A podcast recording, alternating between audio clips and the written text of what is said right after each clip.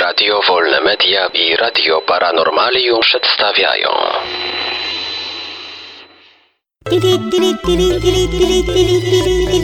Dziwne informacje.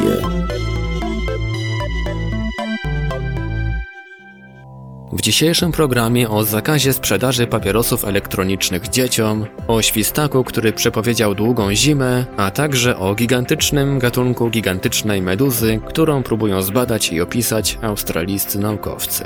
Panie, panowie i obojnaki, zapraszamy na dzisiaj może troszeczkę krótsze, ale jak zawsze z pozoru niepoważne, ale jednak ważne, dziwne informacje. Zakaz sprzedaży papierosów elektronicznych dzieciom.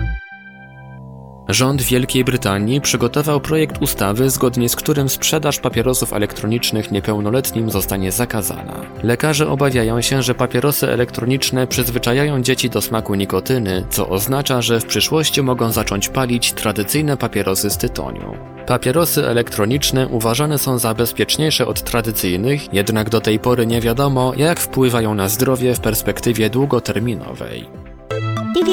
Świstak Phil przepowiedział długą zimę.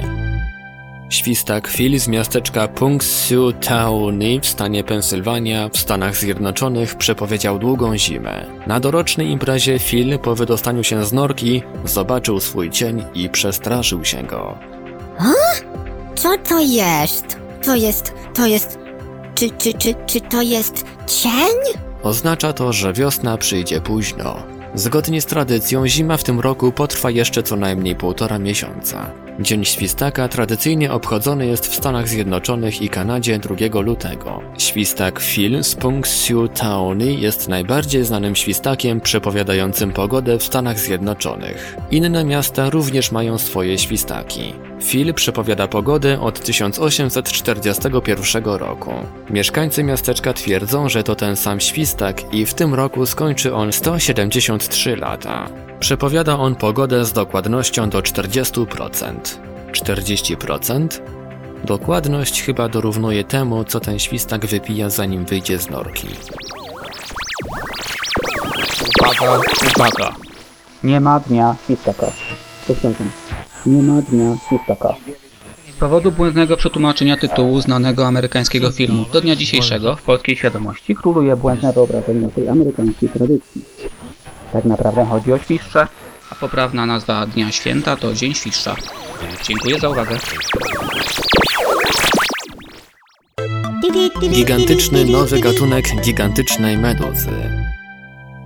Australijscy naukowcy próbują zdefiniować nowy rodzaj gigantycznej meduzy, które fale wyrzuciły na plażę w Tasmanii. Okazało się, że średnica tych stworzeń dochodzi do 1,5 metra, pisze The Guardian. Odkrycie 1,5 metrowych galaretowatych organizmów zbiega się z globalnym rozkwitem meduz. Największa z tej grupy meduza żyje w wodach Arktyki i może osiągnąć 3 metry szerokości. Tasmańskie olbrzymy odkryte zostały przez 12-letniego Xaviera Lima w pobliżu miejscowości Hobart. Gigantyczne okazy zszokowały okolicznych mieszkańców i naukowców. Bezimienny gatunek przypomina grzywę lwa.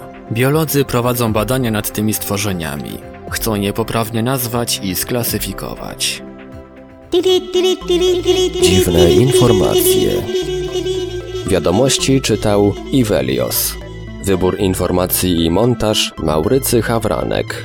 Podkład muzyczny Protologic. Produkcja Radio Wolne Media i Radio Paranormalium.